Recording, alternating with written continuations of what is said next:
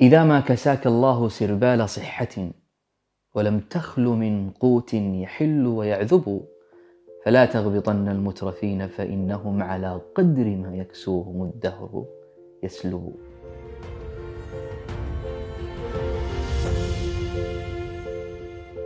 صراحة يا جماعة اللي خلاني أسجل حكاية هذه الليلة هو أحد زملائي تواصل معي قبل تقريبا ثلاثة أو أربعة أيام يتذمر ويستاء ويشتكي من أمر يعني ألم به. الرجل كان يعني آه، يعمل من فترة ليست بالقصيرة حقيقة على يعني أمر من الأمور وما حقق. يعني النتائج التي ظهرت مع هذا الأمر كانت على غير رغبته وتوقعاته وهواه. وهذا ترك في نفسه شيئا تدمر استاء وكذا. ولي فترة ثلاثة أيام أربعة أيام مسوي أنا معالج نفسي يعني. فجالس أحاول أنه أنظر معه لحادثته هذه من زوايا مختلفة. فأثرت حقيقة أن لا تكون هذه النظرة بيننا وإنما تكون أيضا معكم على الطاولة. يعني ننظر إلى حادثته لأنني أزعم أنه كل واحد في الدنيا عنده أمور كان يسعى لها وما حققها أو توقعات وضعها وما وصل إلى هذه التوقعات. طبيعي هذا يعني طبيعي جدا يعني يحدث مثل هذا يعني. هذه هذا ديدن الحياة هذا ديدن الحال أصلا. فآثرت أن نضع هذه الحادثة على الطاولة وننظر إليها من زاوية مختلفة. وإن شاء الله تكون في نهاية هذه الحكاية غنيمة وفائدة ولطيفة نخرج بها من هذه الحكاية يعني. لكن قبل أن نغوص في تفاصيل الليلة وحكاية الليلة بنطلب من الجماعة يشتركوا في القناة ويتركوا لنا كلمتين يساعدون بها في تحريك وتنشيط القناة. ومن منكم يحب أن يستمع إلى هذه الحكاية أو إلى الحكايات السابقة يجد روابط قنوات مذياع أو الصوتية في الوصف. لكن كما جرت العادة وأنتم ذاهبون تستمعون إليها وتشاركونها بشويش على أصابعكم ماذا لو؟ أظن يا جماعة بين قوسين ماذا لو أو فكرة ماذا لو هذه هي فكرة دائما نعلق عليها كثير من سعادتنا. يعني إذا في علاقة تعلق سعادتنا فهي ماذا لو علاقة ماذا لو هذه يعني؟ ماذا لو عندي الوظيفة الفلانية؟ ماذا لو ذهبت وسافرت إلى المكان الفلاني؟ ماذا لو كنت أنا فلان الفلاني؟ يعني وصل الأمر بنا أحيانا أن أن نتصور أنفسنا أشخاص آخرين يعني. ماذا لو أنا فلان الفلاني؟ وطبعا فيه على النقيض كذلك ماذا لو لم يحدث؟ يعني آه، لو لم تحدث مثلا الوظيفة الفلانية ماذا لو لم أسافر إلى المكان الفلاني؟ ماذا لو لم أكن فلان الفلاني؟ ففيه يعني نظل نتأرجح بين قطبين يعني بين قطب التفاؤل ماذا لو حدث الأمر الفلاني وبين قطب التشاؤم ماذا لو لم يحدث. وبغية الإنسان ونظرته دائما هي التي تحدد مصيره بين ماذا لو هذه؟ يعني تلقى لسان الحال يقول لو إني حققت الحاجة الفلانية بكون سعيد. لو إني أنا فلان الفلاني بكون سعيد. لو إني ذهبت وسافرت إلى مك... إلى المكان الفلاني بكون سعيد. وقطعا مو معناته إذا أنت ما حققت هذه الأمنيات والأحلام والآمال إنك ما بتكون سعيد. قد تكون شخص أفضل مما كنته قبل ذلك. لكن هل أفضل تعني السعادة؟ هل لو أنت حققت هذا الأمر بتكون سعيد.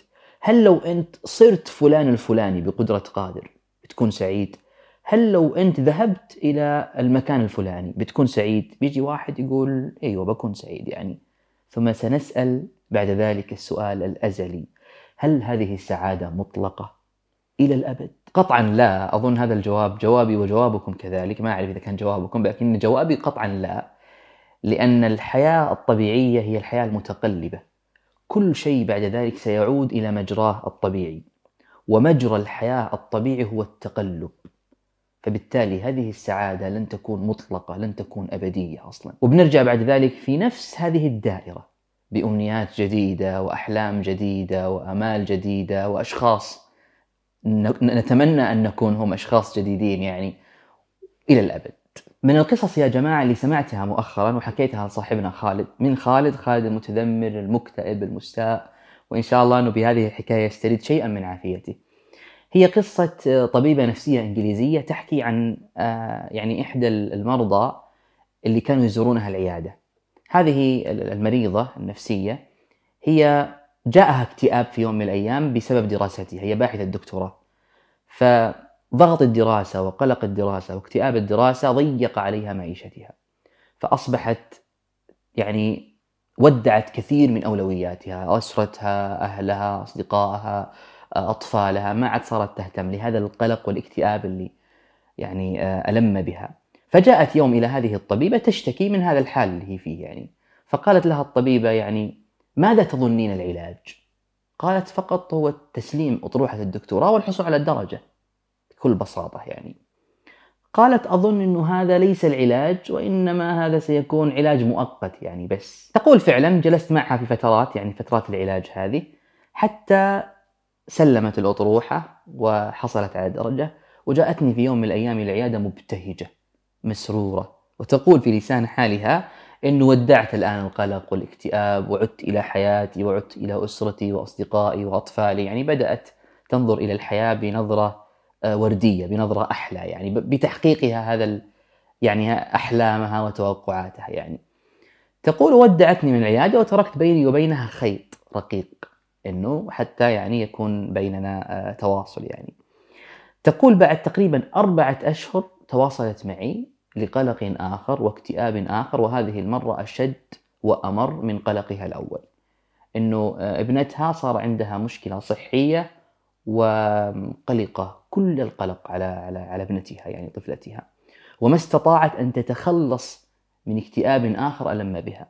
وصارت تحضر مع هذه الطبيبة في يعني مراجعة أخرى ومرض آخر وعلاج آخر مستمر في دوامة هذا القلق. أظن يا جماعة أنه هذا يحدث بس بسيناريوهات مختلفة ربما بقصص مختلفة معنا.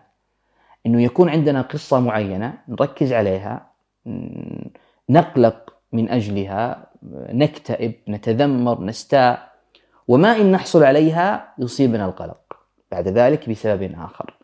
أو سيصيبنا القلق إذا لم نحصل عليها إذا لم يعني يحدث لنا. الشاهد يا جماعة أظن جزء كبير من ديمومة هذا القلق يكون في التعليق. ماذا لو حدث وماذا لو لم يحدث؟ وطبيعي طبعا إحنا كائنات في الأخير حساسة. عندنا أحلام تطلعات توقعات طبيعي نقلق طبيعي نستاء طبيعي نتذمر طبيعي نكتئب إن لم يتحقق شيء مثلما نحن نفرح إن تحقق لنا شيء. طبيعي جدا يعني. هذا أحيانا أمر من من الأمور اللي تعود على نفوسنا حتى بصحة جيدة بعافية جيدة. لكن الأمور أظنها تسوء وتتفاقم وتتكالب على الإنسان بالتشاؤم. فيصبح يعلق كل شيء في ذهنه على هذه اللحظة. ويصبح ما عاد يطيق نفسه ولا عاد يستطيع أن يضبط نفسه ويفقد توكله على الله ويفقد حسن ظنه بالله ويفقد حتى صبح جديد ما عاد في صبح جديد وإشراقة جديدة ويبخس كل شيء معناه. ولو نظرتم معي في فقه الحال لو وجدناه متقلب متغير سنة الحياة هي التقلب. أظن أن الشيء الثابت الوحيد في حياتنا هو التقلب. والله إحنا نعرف هذا يا جماعة وأحيانا ما تحتاج إلى رشاد حسن يحدثك عن هذا أو إلى طبيب نفسي يعالجك من هذا لكننا نحب دائما أن نسمع صوت الآخر صوت الآخر الذي يذكرنا بما نحن نعلمه ونحيط به ومتيقنين ومتأكدين منه. وأظن يا جماعة وهذه هي الرسالة حقيقة أعظم تحدي يواجه كل إنسان في حياته مش لو إنه حصل على الحاجة الفلانية بيكون أفضل وبالتالي بيكون سعيد. أو لو ما حصل على الحاجة الفلانية بيكون أسوأ وبالتالي بيكون تعيس. أظن والله أعلم هي كيف يجد السكينة في دورة هذا الهيجان. كيف يعتكف بداخل نفسه في هدوء وسلام واطمئنان. كيف نتقبل هذه اللحظة الهائجة والمشتعلة. وهذه أظنها فكرة صعبة مش سهلة يا جماعة. وفكرة أن الإنسان لا يستطيع أن يتحكم بدورة أيامه ومستقبله وأحداثه ووقائعه أظنها فكرة مريحة ومطمئنة قبل أن تكون مقلقة لأنه على الأقل يستطيع أن يتحكم بمشاعره ونفسه وتعاطيه مع هذه الأمور التي تحدث له في حياته. فقلت للفكر لما صار مضطربا وخانني الصبر والتفريط والجلد دعها سماوية تجري على قدر لا تعترضها بأمر منك تنفسد فحفني بخفي اللطف خالقنا. نعم الوكيل ونعم العون والمدد. استغرق في روحك انسحب قليلا قليلا من كل شيء يتعبك كي تشعر بخفة العالم تحيط بك. حسب المرء إذا أراد أن يستريح أن ينطوي على نفسه.